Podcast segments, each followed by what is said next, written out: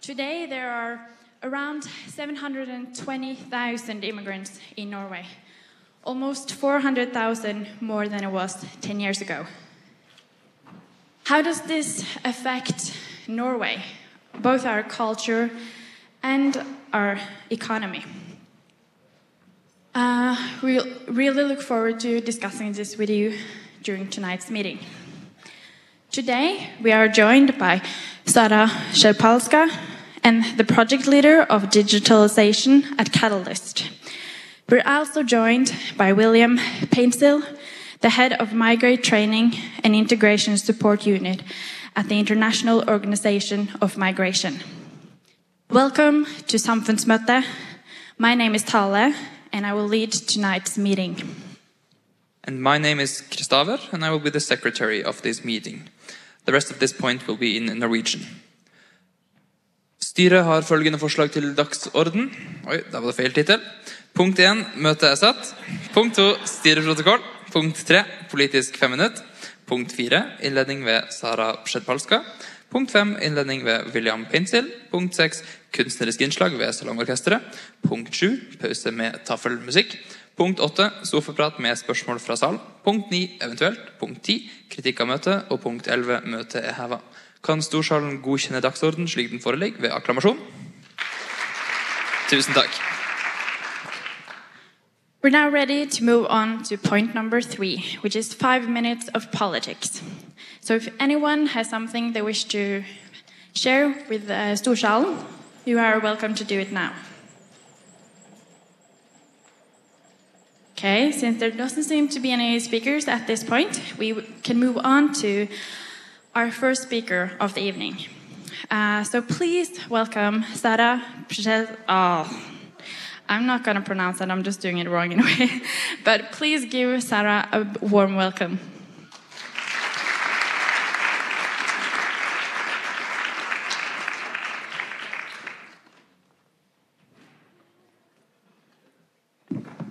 Hello, everyone. It's good with the light facing you. You don't see any of you guys. Um, my name is Sarah. I work with an organization called Catalyst. It's a mentorship organization.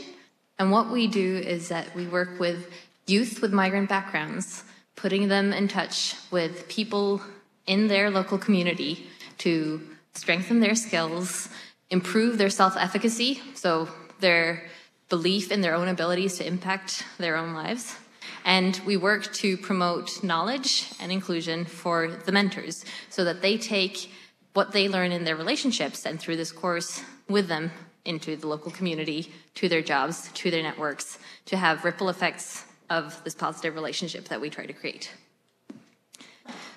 That's part of my background, and because we use a strength based approach in this program, it's also something that I will use as a foundation for the argument that I'm making here tonight. So I'm going to focus on two perspectives tonight that I think will inform this debate about lykkejegere or fortune hunters. And that is the liability approach to migration and the asset based approach to migration. But first, I want to see a show of hands, if I can see it. How many people in this room were born and raised in Norway in the past 40 years? Okay, that's a lot of you.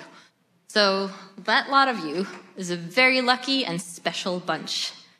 And the reason I think you're a lucky and special bunch is that you are quite unique in the world. You have only faced the concept of having to move to another country to improve your life conditions as a hypothetical one. For almost every other country in the world, growing up with the idea that there's another place where you can move that is better than your current condition for yourself and your family, that's the reality. But in Norway, that's not something that we actually deal with. That is also the pull factor that makes Norway such a desirable country. And it's something that we brag about. We're the happiest country in the world. We are the most equitable country in the world, at least we claim that in different areas. Um, we have beautiful nature, we have fresh air. There are lot of good things about living in Norway. That's why a lot of people also want to come and live here too. So the pull factor is only one aspect of the migration process. We often talk about pull factors and we talk about push factors.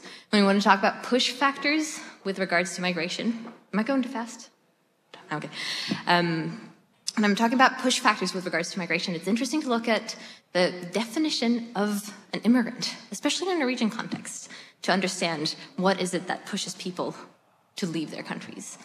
So, in a Norwegian context, an immigrant, according to the Statistics Centralbyrå, um, is someone like me, I'm a second generation immigrant. I have a Polish father, a Canadian mother, born and raised here. There's also a person who arrived last week with a permanent residency to stay in Norway. It can be a refugee who has escaped Nor- uh, war to come to Norway. It can be family members that are finally unified after years apart, but have now gone through the tedious process of being granted stay in Norway. It's also a lot of people who come from labor. You can have people in the tech sector, you have people in construction, you have people in the caretaking industries. All of these people are termed migrants. So when we talk about how migrants are impacting Norway, we have to be conscious of all the different things that people are seeking out in Norway and why they left their country. These categories create some nuance, and I hope that your questions after will go deeper into that nuance. So the common denominator for all these immigrants that come to Norway is that they want a piece of the pie. It's really good to live in Norway and they see opportunity there. They are fortune hunters, however you want to interpret that. They want to improve their lives. Now, in Norway, because we have such a nice community, we have all these wealth, this wealth, we are a little bit hesitant about sharing. The idea that sharing is caring doesn't go that far. Also, the idea that this person is a fellow human being, of course, I will extend the exact same rights and benefits to this person as myself, somehow also stops at our borders. But there is one way where we can make this question a bit more palatable for the people in influence, the people who write in the papers, the politicians, people who influence how the greater society sees the question of immigration. That is if we dehumanize people and make them into numbers. So that's how I'm going to present these two different perspectives. The first set of numbers that I'm going to talk to you about is something that you probably already heard about this year, this fall, has been a lot in the newspaper. And that is the statistical SSBs, Statistisk Sentralbyrå, uh, Central Bureau's immigration accountancy, in invandringsregnskapet. So, this was a report that was commissioned by the financial department and a gang of academics that wanted to know how much does immigration cost? What is the cost of immigration? That was the guiding question for these statisticians to look into the question of immigration. So what the conclusion they found was that immigration costs a lot. Uh, in fact, they said that it costs, within the year 2100, they assumed that we would be 29% immigrants in our population, and that would cost us 10,000 kroners per person per year. This is a big number. I don't want to necessarily give 10,000 extra kroners away to the state. That's a scary thing. It is a number that is being now marshaled by current government to maybe make arguments for the fact that we maybe should restrict immigration because that's a lot of money. In a family of four, 10,000 kroners per person is only 40,000 kroners per person. Sounds like an enormous cost. Now, there have been, there's been a lot of debate around the details, the methods, the models that these statisticians put underneath as the foundation for developing this report. And we can get back to those later in your questions, I hope, as well, because it's interesting to look at how do we come to the conclusion that immigration costs us a lot. Because when we come to that conclusion, we see immigration as a liability. And that is one very specific approach to it. Another approach that you can also take to immigration is to view it as an asset based process. And a country that does that through their statistical bureau is Canada. There's this country, uh, this bureau called StatCan, the equivalent of SSB in Canada, who's also done a bit of research. Now, they haven't done a statistical analysis, but they've done surveys. And from the years 1999 to 2005, they did a survey over 79 workplace, 7,900 workplaces and 20,000 workers, trying to see what impact diversity had on Canada. And their conclusion was, it's great. It's beneficial. They found that for every 1% of increase of ethnocultural composition in a team, a company would have 2.4% of increase in their revenue. And they would also have 0.4 increase in their productivity. And they also concluded that the reason for this was that when a company or a workplace reflects the composition of the population, they can better anticipate the needs, they can better anticipate the desires and the behaviors of people that they're trying to serve through creating products or services, etc. So the conclusion here was diversity as a consequence of immigration to Canada is great. Now, these two research reports are two very different pieces of work. It's kind of weird to compare Canada, that's a different country to Norway. They have a different demography, different geography, different history, and the methods for acquiring these numbers are completely different. So why am I comparing apples to oranges? The reason is both Norway and Canada are immigrant receiving countries. People want to come here. And I think that it's valuable to compare them because we practice so different approaches to how we view immigration in our countries. Now, if we want to take the approach that immigration is a liability, kind of fucked because immigration is increasing. If we look around in the world, there are migrants that are internally displaced, externally displaced, moving not only within their countries from born torn situations or conflict or political persecution, but also across borders. That isn't going to stop. Climate change, a lot of things are going to impact the fact that a lot of people want to migrate. So if we're going to hunker down, create Fortress Norway, we're going to have a big hurdle. But this is, I claim, the governing discourse that our government is making. An unfortunate aspect of that governing discourse also is that it leads to fear of people who are different from us. Um, and it doesn't really look at what positive things we can do. However, an asset based approach, looking at the good things that we can produce if we build on the strengths of people, can lead to more positive inclusion of people. It leads to an empathy towards people who are different from us. And it allows us to be more productive with regards to how we see the flow of new people coming into our country. Now, I believe that we have an advantage in taking this approach, not only because we have a fantastic welfare state that we did build that has the mechanism of distributing goods across population in an equitable way, and therefore we should be able to repeat that success. But also because Norway has a lot to gain, and they can gain from what Canada's called the diversity dividend to make advantages of how we are different, the different kinds of knowledges that we have, and how we can put that to good use. Was going to talk about how specifically we can ensure that an asset based approach to immigration is a success uh, and the implementation of it, but I hope maybe you can ask me questions about that later and I would happily talk about it. Thank you.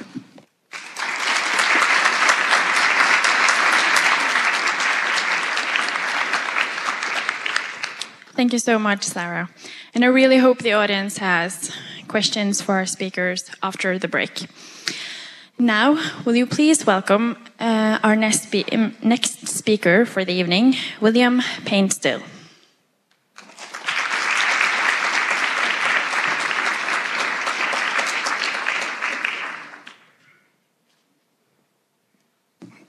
Good evening. Uh, thank you for inviting me.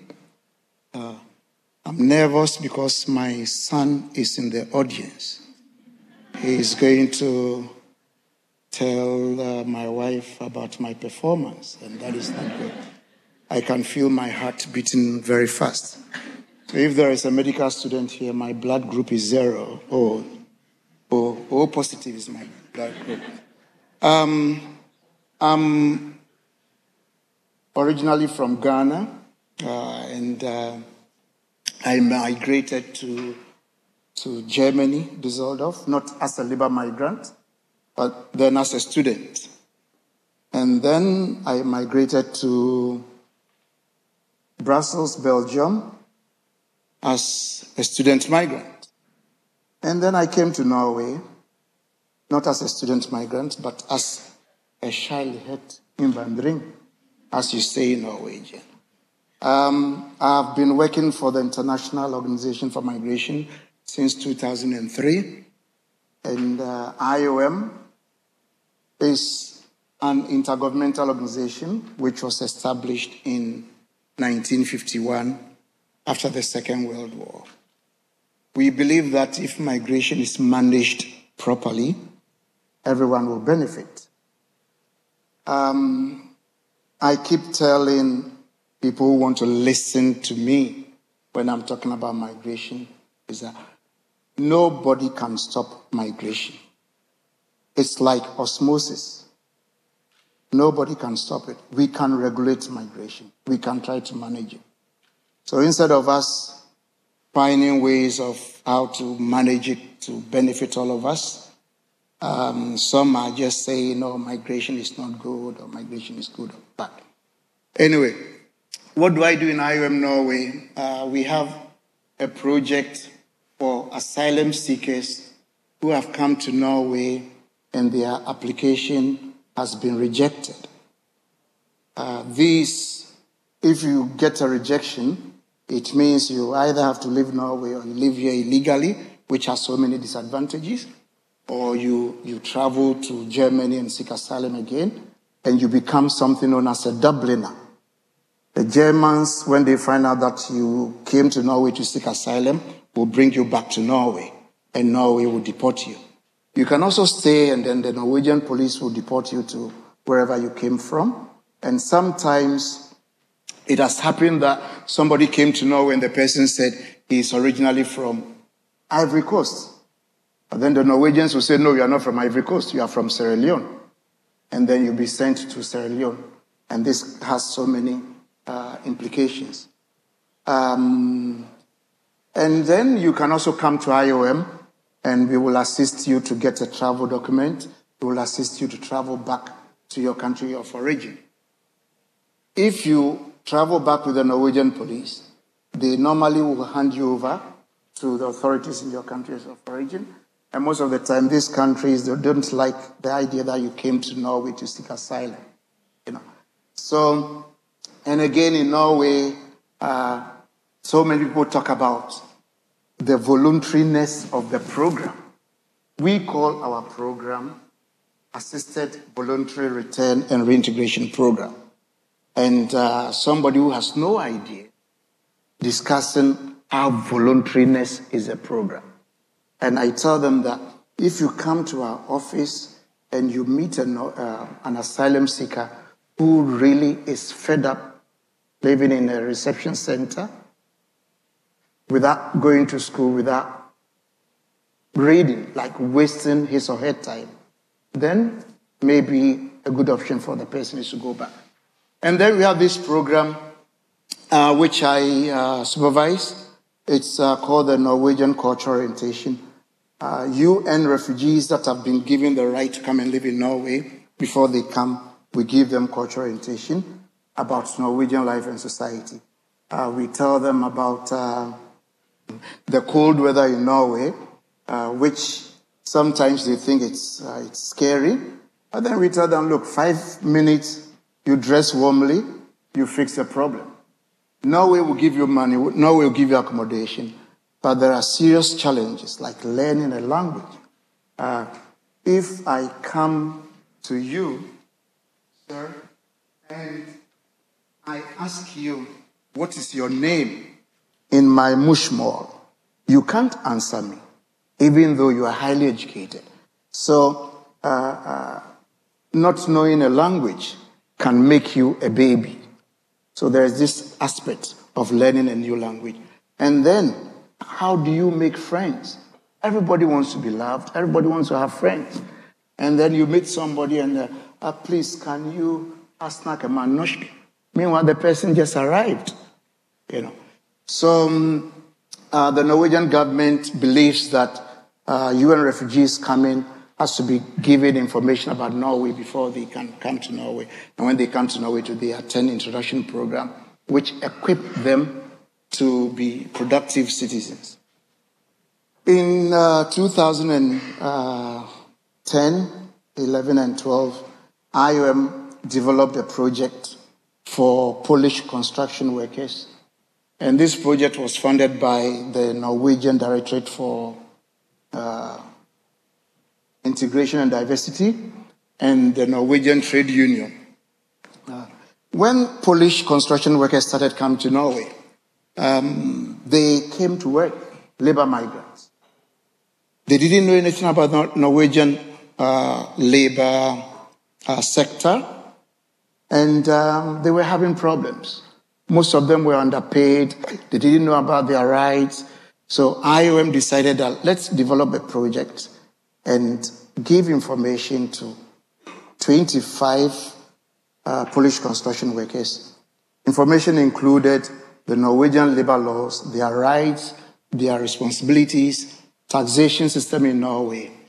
And uh, after giving them uh, training about these issues, they went out to tell other Polish construction workers about what they've learned. So they were resource persons and multipliers of information. So this uh, uh, project went on for three years. The second year, we had it in Oslo and in Stavanger. First year in Oslo. And the third year, we had uh, Lithuanian construction workers. Labor migration. Uh, birds in Europe fly to Africa when the temperature is cold in Europe. So, human beings, we would want to move to a better place. And now that we are moving to go and just enjoy. I've come into contact with over 5,000 or even more uh, refugees, and they all say one thing I want to come to Norway to come and work. So, this whole idea that people are moving to a new society just to enjoy the social welfare, it is not true. You can quote me that I said this. It is not true. And of course, when you go to a school, you wouldn't find a classroom where everybody gets a six or everybody gets a five.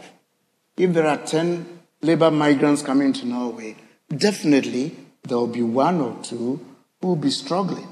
But most of the time, majority will be working and they'll be contributing into the new society that they live in. Uh, uh, so, uh, as I said, migration will continue to happen. Uh, some will be forced to migrate, some will migrate voluntarily, some will migrate and after one year, two years will go back to their countries of origin. Uh, some will never go back. You may want to know if I'm going to go back to Ghana. Um, Maybe I may go back to Ghana, but as at today, I'm not going anywhere. So you should better get used to me. um, migration is not going anywhere. Migration started when, whether you believe in evolution or you believe in uh, uh, the creation of man by God or Allah, uh, there has always been movement, and this is going to continue. Thank you very much.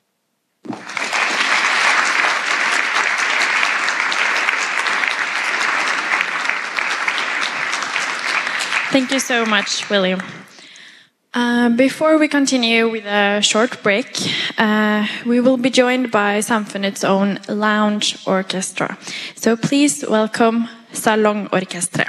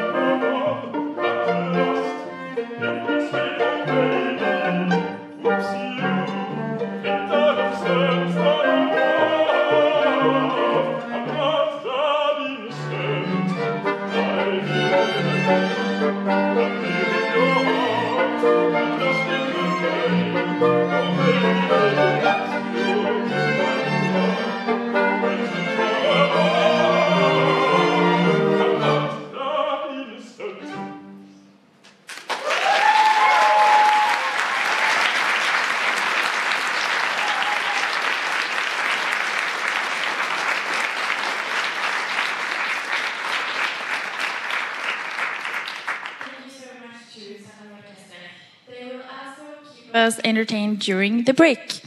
Uh, we will now go into an about 15 minutes break and we'll be back around 5 to 8. Enjoy your break.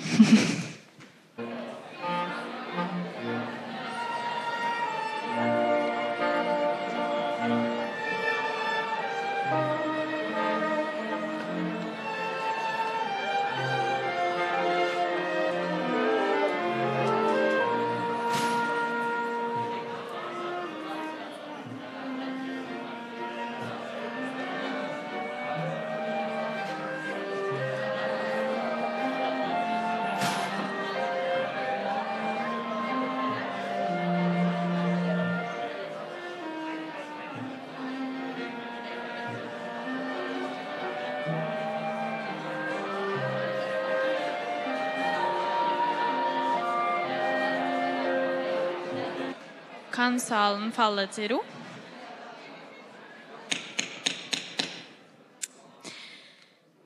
Oh, welcome back. Uh, now we're ready for point number eight, which is a chat with the speakers. So if Sarah and William can join Jan Henrik in the couch.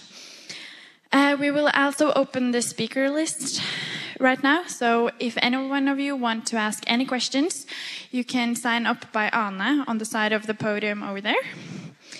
And Jan Henrik, you can just take this point forward. Working. Uh, thank you both for nice opening statements. I thought I would um, start off by talking about something you said. You, you were talking about these narratives and how you can have an asset-based or li liability-based view of migration. Why, why is it that in recipient countries we often get a liability view of migration? Um, I believe that it is because we have a null sum idea of our assets or, or resources in, in Norway. That we think that if more people come to the party, there will be less to go around. Okay, but for instance, Norway is a welfare state, so there is the, the Norwegian budget is finite. So why couldn't we, in that way, consider it a zero-sum game? Ah, I, I disagree with that. So it is only finite because of the amount of money that we pay in in taxes. So if more people were to pay more taxes, we would have an increasing budget. Okay, because that's where you and the people who made the invandringsregnskap or the immigrant um, accounting, I, I, don't know, uh, they calculated how much an immigrant costs. And if an adult male comes at the age of 25, until he dies, he costs the Norwegian state uh, a significant sum between 50 and 100,000 kroners every year on average average, for a migrant. Yeah. So there are a lot of parameters that go into that sort of calculation. You assume something about their education level, about their income level, that they won't earn as much as an equivalent nor ethnically Norwegian person in the labor market. Um, but that model also doesn't take into account unemployed Norwegians or people with disabilities. That also costs the society a lot. So the fact that what William also said that one in ten labor migrants might not be the top performers Absolutely. That is a risk of, of, allowing more people into the country, but it's a risk that already exists in our country too. Because uh, William uh, said that we don't really have a choice in taking more people into the country. So, how, how can you defend that? We have control of our borders. So, if we wanted, why couldn't we just say, no, no, you, you people can't come in. You, nobody else could come in. We, we just want to be the 5.2 million people we are, and then we shut our borders. Why can't we do that? You, you said it was impossible. Um, it is impossible because if we don't come in, you guys will go and marry us and bring us to Norway. So, um, uh, but I'm not against managing migration. Okay. At the end of the day, the Norwegian government has a right to decide who has a right to come to Norway and who shouldn't stay in Norway. Uh, secondly, I think people should be given the opportunity to talk about their fears, their concerns. You know, because if you don't do that, if I maybe the fear you have is not right, you don't have correct basis. So if I hear it, I can correct you. You know, but you believe in your falsehood, you are in your corner, you don't want to listen to. It's like if you are right wing, you just listen to right wing speakers and you don't want to listen to the other side. So, how can you change your opinion? You know? So, there's this fear of I don't want to change my stand. Probably if I listen to the other side of the story, I may see migration as something good. And I don't want to see migration as something good. You know. So we should be talking about such things. Okay, so um, you, you were talking about uh, Canada at our dinner earlier. We had dinner earlier. Um, okay, okay, that came out the wrong way. All, all of a sudden. um, but you were talking about Canada, uh, which did immigration surveys instead of trying to calculate the worth of each migrant. Uh, why is that a more correct approach to figuring out the value of migrants? Mm -hmm. So, uh, uh, precision. Uh, Canada has a statistics department that does statistics too. Um, and it's not necessarily more valuable to do a survey, but I think that a quantitative and a qualitative approach can be complementary to one another so that the qualitative approach that they had in this survey even though they counted number of workers and teams and profits which are numbers and quantitative you gain more context and uh, perhaps a greater understanding of what the conditions of diversity was in canada. Because have the canadians done uh, a study similar to the norwegians of exactly how much it costs for canada to take in a migrant? Um, the Statistics Canada, as far as I know, hasn't done a, a, stat analysis on this, but a researcher by the University of British Columbia, Dan Hiebert, has done uh, a statistic analysis of the worth of immigrants, but he has also then, in that same study, compared it to the worth of Canadians. And even Canada has a less extensive welfare state than Norway. So isn't that an argument in favor of limiting migration more severely to Norway? Because Norway offers a lot of things, like free education. Canada doesn't have zero tuition public universities for everyone. Um, the uh, Norwegian healthcare system is one of the most extensive, though not insanely expensive in the world. Um, doesn't that mean that we have to be more restrictive about who we let into our country? Because our welfare state has a finite uh, amount of money because every Norwegian is a detriment to the welfare state. It costs a lot of money, mm-hmm. even for us native born. Mm-hmm. So, doesn't that mean we should try to preserve it by limiting migration? Mm, I mean, there are uh, two different cases there of being conscious of who we let in and how many people we let in. Of course, it will be a burden to, to the welfare state to have more people come in. But then again, I, I think that we can see opportunities and how these new people can also contribute to the welfare state so that we don't assume that any new person who comes to Norway as an immigrant will necessarily be a burden on the welfare state. Yeah, okay. And just before we start taking questions from the audience, by the way, Tyler Stewart is first in line and Lars Grennestad is second in line. So if you two can start making ready, yourself ready. Um, then I just wanted to ask William one last question of how uh, you said that Norway has a right to control its borders and its migration. If you were to decide, how would you, uh, on behalf of Norwegians, uh, decide who gets in and how many people gets into Norway? I would like to help those who are already in Norway. Okay. Deciding, no. Okay. Give it to somebody else. Okay. So you think that should be left to the Norwegian? Be, that would be um, a bit uh, challenging for me. And it has to be um, on individual cases, you know. But being an African, I've heard so many times that uh, it costs so much to bring in Africans. Uh, and I wish somebody can tell me how much the Norwegian government has spent on me. I have two boys who uh, were born in Norway. They are doing well. They are studying. One is here, and uh, but they are very young. And I think they will be working and paying taxes that will cover all the money that is. yeah, true. No.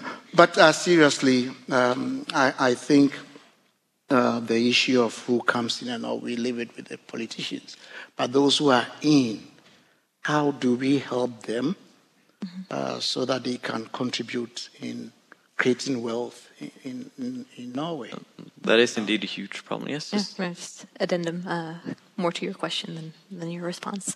That uh, Norway doesn't really target a lot of labor migrants to attract the most talented workers. It's not a strategy that the Norwegian government does use. For example, the Canadian government has a point system that awards your education level, how much money you bring into the country. Like 60% of migrants in Canada in the past five years are millionaires. There's a millionaire migrant visa in Canada. Uh, it, that impacts, I'm not saying that that's definitely strategy to, to go, but that impacts how people see migrants as resources versus other people. And if we were to perceive migrants on a whole, this diverse group, as consisting of members who are millionaires and talented people in all these multifaceted ways, I think it would also be more bearable to have the people who we consider burdens to the welfare state. So it seems like the Canadian system is far better at making the people appreciate migration than the Norwegian way. I think your mic is a bit high up. I can put it next to your mouth. It's probably the best. Um, uh, let's just go to the question. Tyler, uh, would you? Can I just say something before Tyler asks these questions? We now have the following seven people who want to ask a question, which is Tyler Stewart, Lars Grønstad, Thea André Harnes, Anders Såstad, Marianne Vågan, Elise Michaelsen Steinsland og Hugo Klævold. Can Storsalen accept that we uh, put a line to the speaking list after Tyler's question? Thank you. That means there's no speakers. Good evening, Storsalen. My name is Tyler and I'm a member. Uh, thank you very much, Sarah and William, for joining us here tonight. It's been wonderful to, to listen to your discussion. I can't help but notice that a lot of what has been said tonight has been overwhelmingly positive towards labour migrants. And I'd like to take some time for us to discuss the, the challenges associated with labour migration and specifically standards. Standards of work. I mean, here in Norway, we have particular standards with which we expect people to perform their jobs. And when we have labour migrants coming in, whether they're doctors, construction workers, teachers, whatever that may be, we have to ensure that they perform their jobs to a particular standard. What is being done to ensure this? And if there is a deficit in the work that they're performing, who's responsible to pay for their training to make sure that they're doing their jobs correctly? Thank you. Mm-hmm. Thank you, Tyler. Uh, William, do you want to start on that question? Um, I think sometimes uh, the government should pay, and Norwegian government is paying for uh, quota refugees who come to Norway. There is a program called the Introduction Program. Uh, it's a two-year program, and they will learn the Norwegian language. Uh, they will learn about the Norwegian society. Uh, they will be placed in companies as uh, job praxis and sprock praxis and those things, you know. And, and, the reason why the Norwegian government is doing that is for them to, uh, to, to qualify themselves to work in Norway or to go to school. And that is a way of contributing, paying back uh, to the society. And I think um, employers can also do that. Uh, we had a project for Polish construction workers, and the trade union uh, gave money together with the Norwegian government and um, and then also rich people coming from Canada should be able to fund learning Norwegian. Mm-hmm. Yeah. So if if an individual can pay to learn the language, yeah, why not? And another quite related subject that we talked about at the dinner uh, is uh, that there can be quite difficult to get your education recognized, your degrees recognized, your competence recognized. How can we solve that problem and use our refugees and other migrants with the doctorates or who are medical doctors, engineers, lawyers? How can we get to recognize their education and make sure it's on par with Norwegian? And then get them to working on productive things instead of having them as janitorial staff when they have a 10 year education. Uh, when I came to Norway, uh, uh, there was Nokut. The name has changed. Uh, and uh, Nokut, I think, is doing a wonderful job. We had a conference in Oslo, IOM and uh, UIO, we had a conference on refugee contribution, and we had a speaker from Nokut who shared at the conference uh, what Nokut is doing. You, if you come to Norway and you say, let's say, you did engineering, but you don't have any diplomas to show that you did engineering, uh, Nokut work with uh, university professors, and you'll be assessed based on whatever information. And uh, so I know that uh, a few refugees have gone through this assessment and they are working in Norway. So at least Nokut has moved on. And I know also for a fact that some European countries visit them to learn from uh, these uh, innovations. So there is something good happening in Norway. Yeah. Sarah, do you want to chime in on this?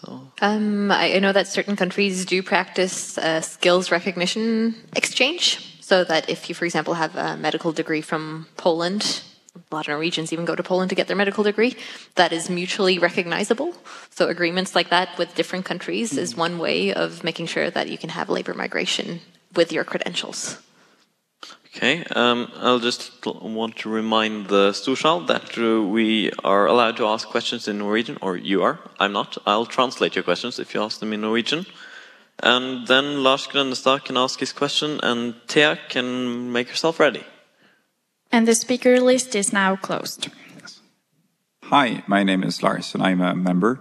You've touched, you've kind of touched the subject, but I'm, I'm want to try to get a clear answer from from both of you if you want to answer. So, Sarah, you mentioned that an SSB's uh, calculation uh, estimated that a a migrant would cost ten thousand kroners each year.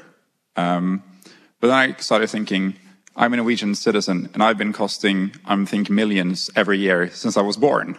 So why is the 10k so bad? Because when people migrate when they're adults, they usually have some sort of education and skill, and they just start contributing. They go to school for two years, I think, to learn Norwegian, and then they start working. So the cost to get them into the working force is much lower than me, who studied here for like seven years and get study loan. And it's yeah. So so why is that? Why is that considered such a bad thing? Thank you. A good a good question. question. Thank you.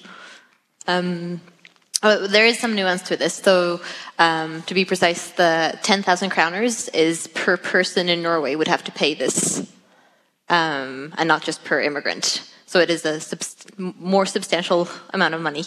Um, but still, your point is, is valid that someone who comes here ready trained from another situation or another country could be considered an asset. And um, part of perhaps the critique against this uh, report from SSB is that it is created in a vacuum. It doesn't take into account different changes in the economy. It's made on very fixed models and, and calculations, and it doesn't use a comparative analysis with the Norwegian population at large. It doesn't take into account the increasing li- um, disabilities or early retirement ages of the Norwegian population. So it it does give us quite a narrow view of the cost of immigrants. There is a book called Lying with Statistics. And uh, I'm not doubting that study. Who am I? I'm, I'm an ordinary person. Uh, but um, how do you calculate that? How, how do we come to a conclusion which is true for all the migrants? How do we? It's like uh, saying that Norwegians are like this. Norwegians are cold. And I've met Norwegians who are not cold. So, how do we make such conclusions? You know, if I encounter a negative incident with a Norwegian, naturally I would generalize, make a fallacy of hasty conclusion.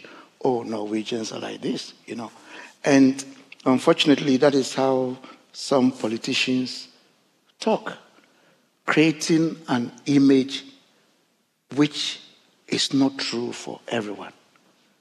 What can we say about Norwegians which is true for Norwegians living in Vadsø or Norwegians living in Alta and Hammerfest and those things? So, but can't we say that these generalizations, even though they are not true for every migrant, they have a certain predictive value for the average migrant? Uh, isn't that a valid point that generalizing is useful because, and that's why we do it a lot, because it tells us something about the average migrant? That is a danger. Okay. And That wh- is a why, is, danger. why is that dangerous? Yeah, it is. Uh, you know, we, we, we generalize to make complex things simple. We, we are afraid to, um, to take up serious issues. Uh, when we start going to school, we, we, we start learning so many subjects. When we go up, we reduce it. So we end up being made so reductionistic in our thinking. You're a specialist in heart. You don't want to know anything about the liver.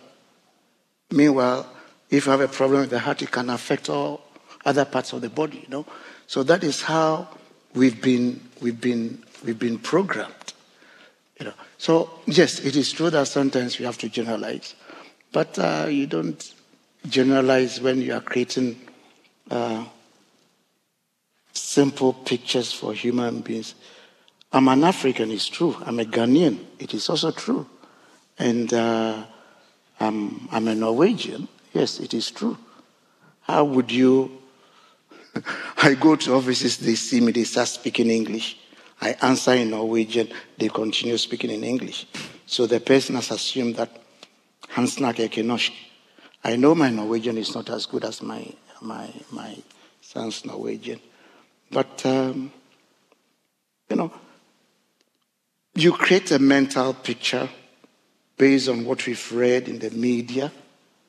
And I read in Scientific and American that when the brain takes hold on falsehood, it takes a long time for the brain to change the falsehood to the truth. And Thank you. so Um, don't generalize. Thea, can you ask your question now? And uh, Anders can get ready.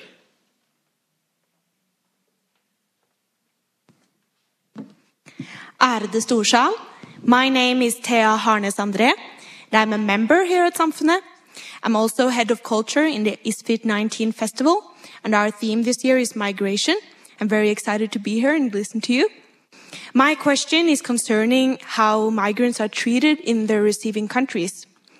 Because we often hear stories that migrants are exploited because they're such a vul- vulnerable group. But the stories that we hear are often from other countries than Norway. For example, Asian countries. So my question is, how, in what way or to which regards are migrants exploited or taken advantage of in a Norwegian context? And how can we change that if so? Thank you.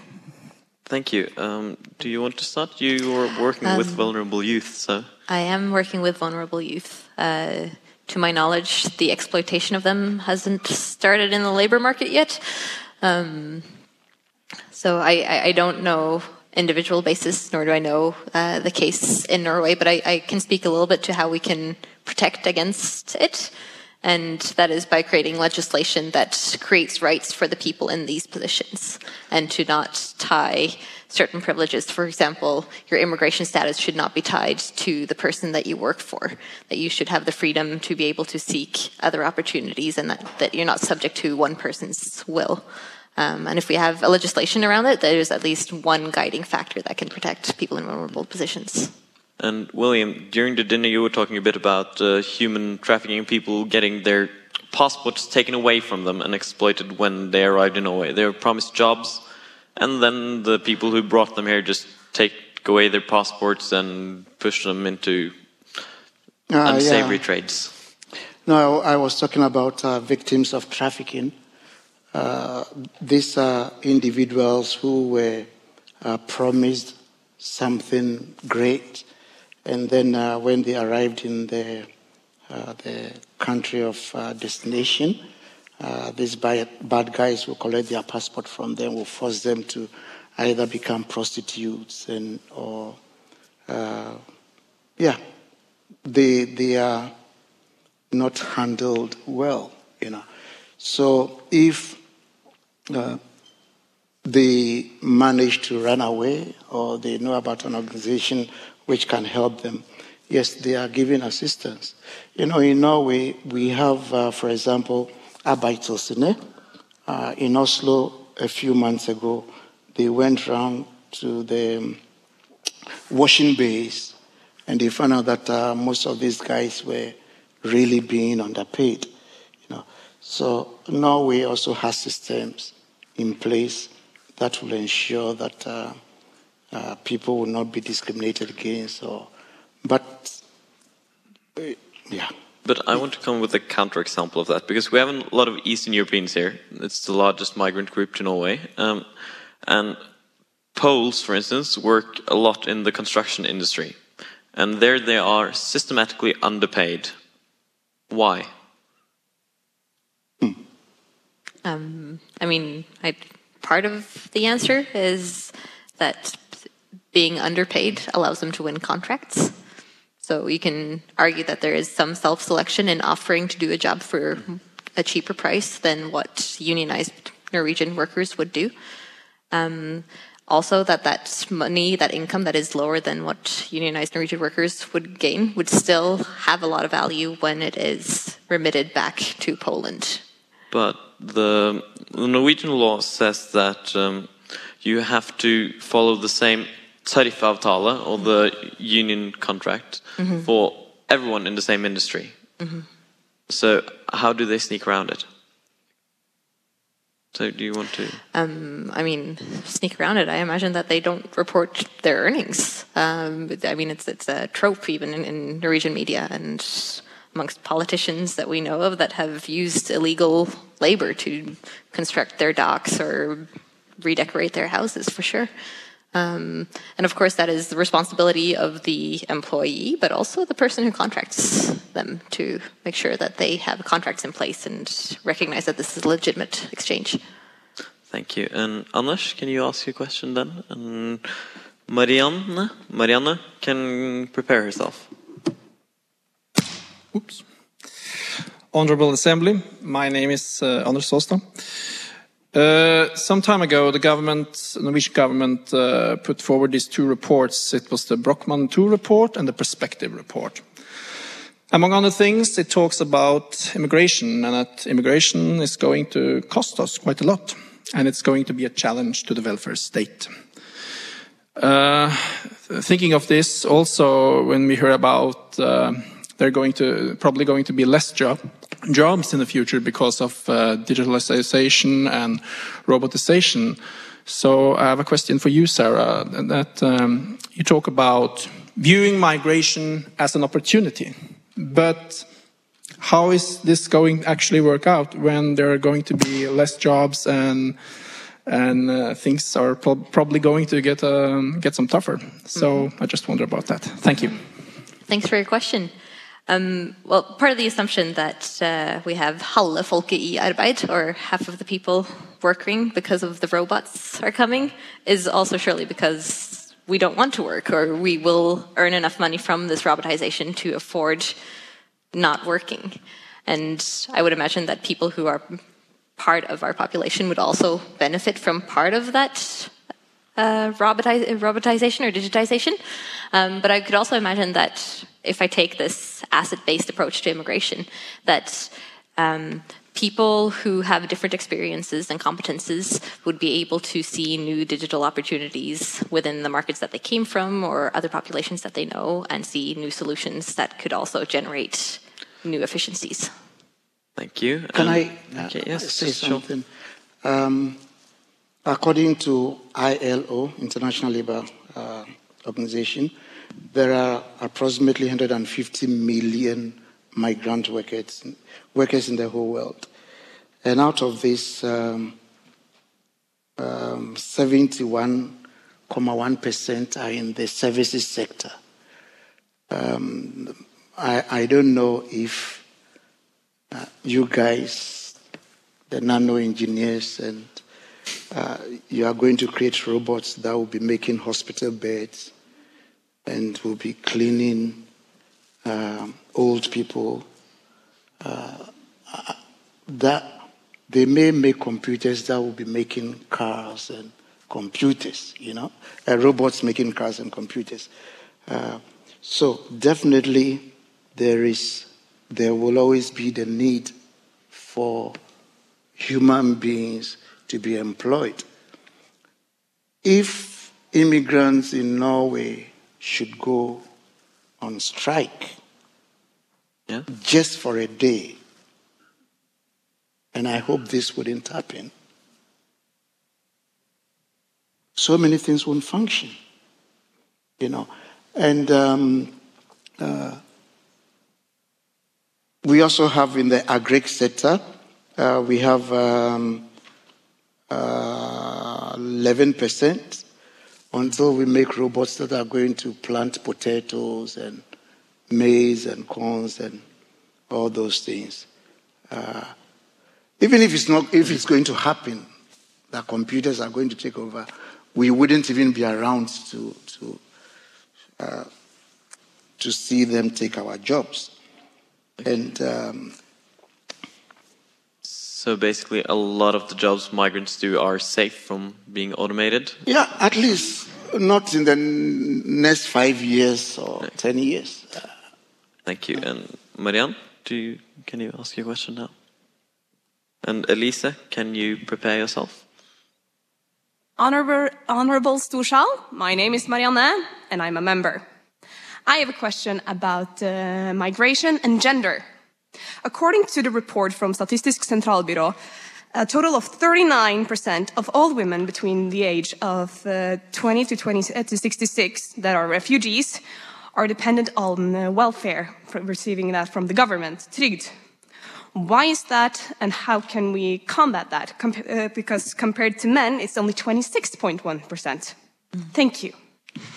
Thank you for the question. Mm, Who wants question. to go first on that? Okay. Uh, some of the women who come to Norway, uh, okay, if you are a housewife in country A and then you come to Norway, uh, it, it will take a while for you to first learn the language and then also get a job. So most of the time, the women come in haven't worked before, they've never been to school before. And uh, part of my work, uh, me and my team, we travel around Norway talking about migration culture to municipal workers. So if there are teachers in the audience, we, we tell them, you know, being a teacher doesn't mean you go and stand in front of your students and you say, in Norwegian grammatic, verb må være på andre position. if a person hasn't been to school before. So that one has to change the method of teaching.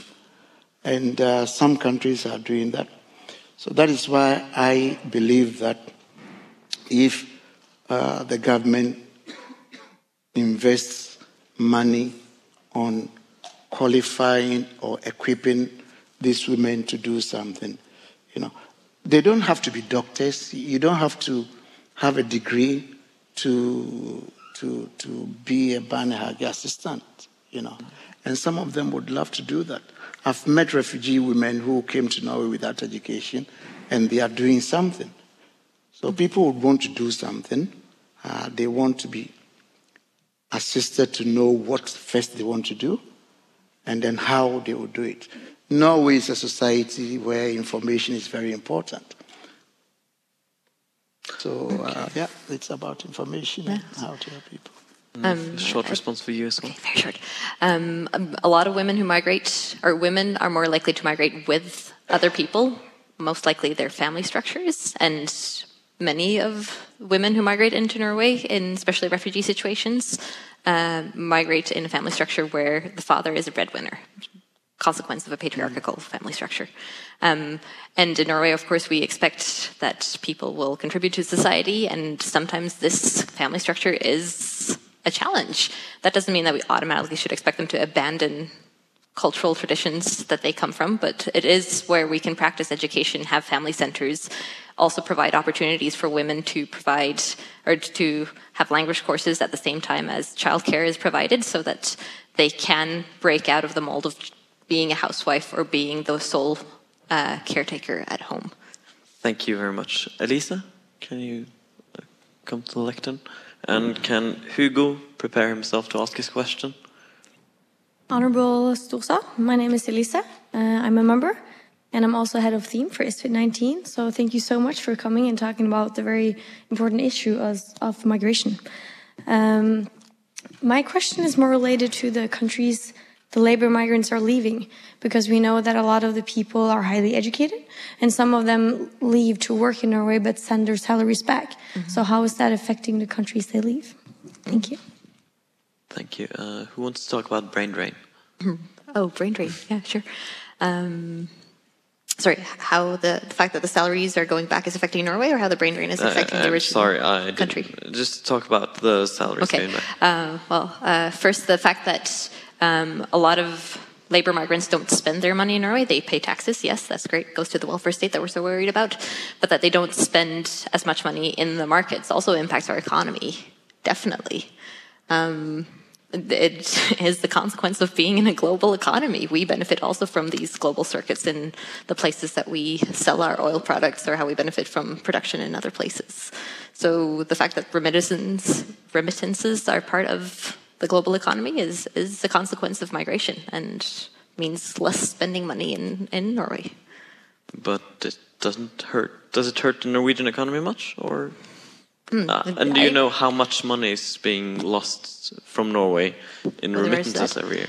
Um, I, I, don't know that number. I imagine migrants send home a lot of money. That's one of the biggest economies in the world, remittances.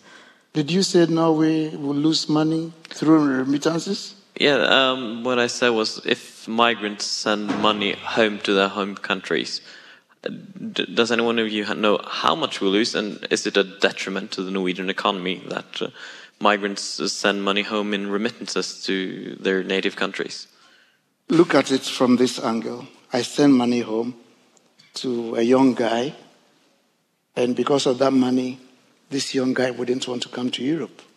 So I'm saving Norway some money.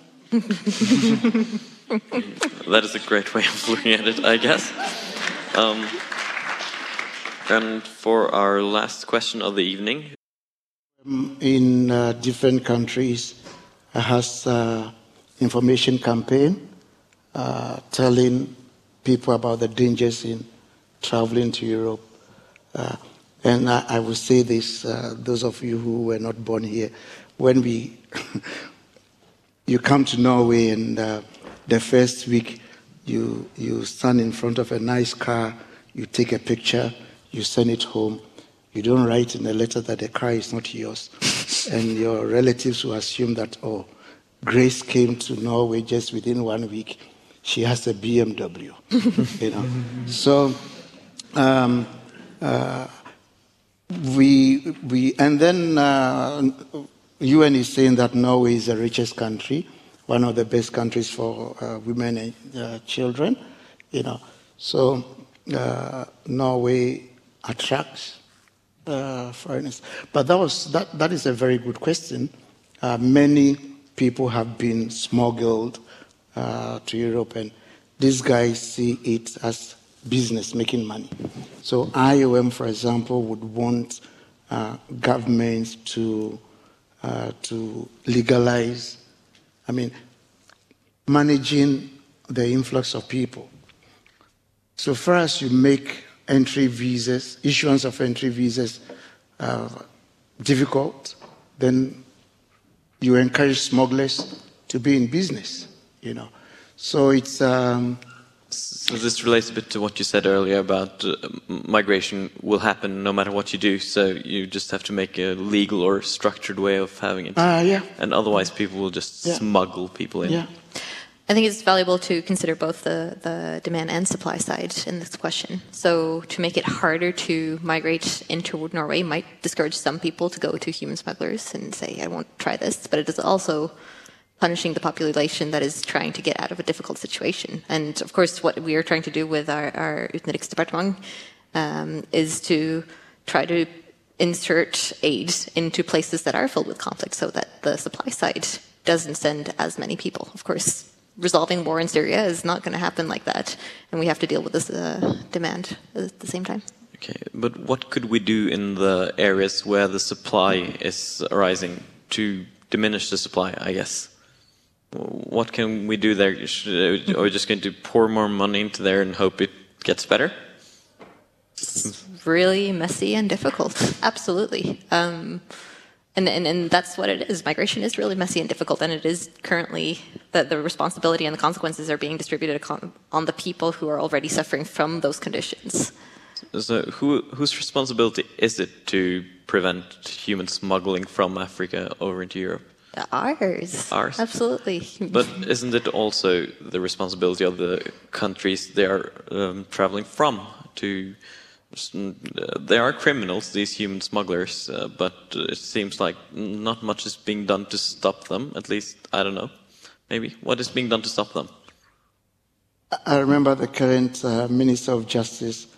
Uh, she visited an African country recently, and one of the ministers said, I, want my people to go to Europe instead, you know? So uh, it means such a country wouldn't put anything in place to prevent uh, the nationals uh, from traveling. And then uh, we have uh, other countries who get money through taxes because they are, they are nationals in Europe, you know. So, but otherwise, yes, uh, I also know for a fact that uh, IOM is involved encouraging governments in interstate agreements, you know. So agreements shouldn't be only on when you want to return people to their countries of origin.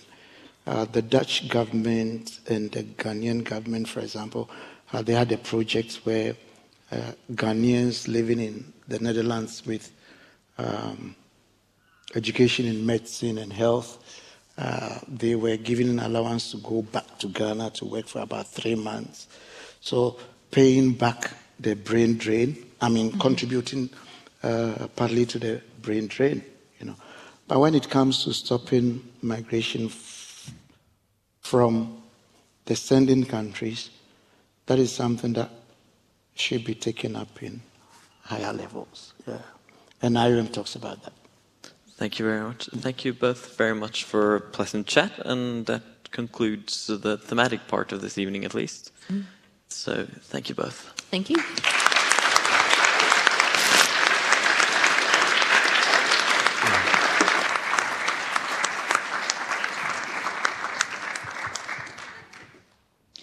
Thank you both very much, and thanks for all the good questions from the audience as well.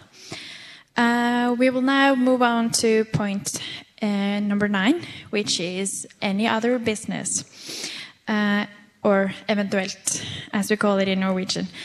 Uh, so the podium is now open for anyone who has anything they want to share, and you're welcome to speak in both Norwegian and English.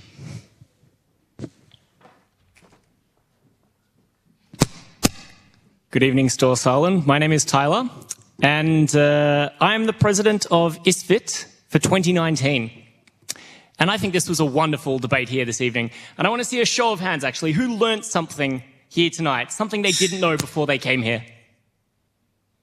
Excellent. I'm glad to see it because this really is just the tip of the iceberg. Labor migration in Norway. There's so much more that we can discuss around the theme of migration, whether it's uh, refugees crossing the Mediterranean, whether it's rural urban migration in China, whether it's people smuggling in Hong Kong. And in ISFiT 19, we're going to create a forum for that debate to take place. And it's a really exciting time right now because does anyone know what is going on right now? Yes, what is it? It is the Opptak for ISFiT 19. We are looking for gang leaders to join us. And so we're looking for everyone from culture, administration, theme. I have to make sure I get them all now because I've started listing them off. Student Peace Prize, administration, and economy. So, no matter what you're interested in, no matter what you're studying, there is something that is going to interest you. And all of the board members are going to be around here all evening, so you can feel free to come up and have a chat with us. Otherwise, go to our website, isfit.org. We have all of the positions listed there. And just remember the deadline for applications is this Sunday at midnight. Perfect. Thank you very much, and I look forward to speaking with you about ISFiT 19. Bye bye.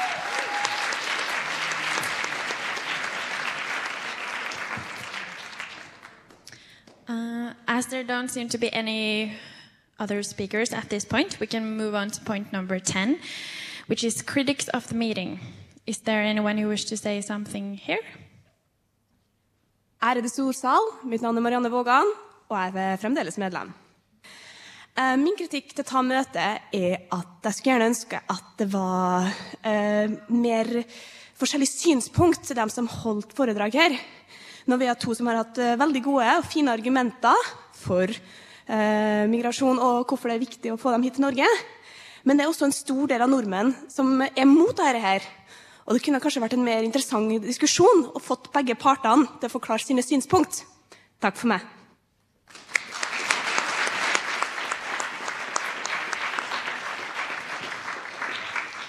Thank you very much. Uh, before we end this meeting, I would like to give thanks to Sarah and William for great participation, and to ISFiT, Salongorkesteret, Forsterkerkomiteen, Regi, Videokomiteen, Speedposten, Markedsføringsgjengen, ITK, Rådet, Lørdagskomiteen, Fotogjengen, our guards, as well as Kafé- og serveringsgjengen. And we also have to say thank Samfundets Orkester for borrowing this one. because ours is gone. Uh, the meeting is now adjourned.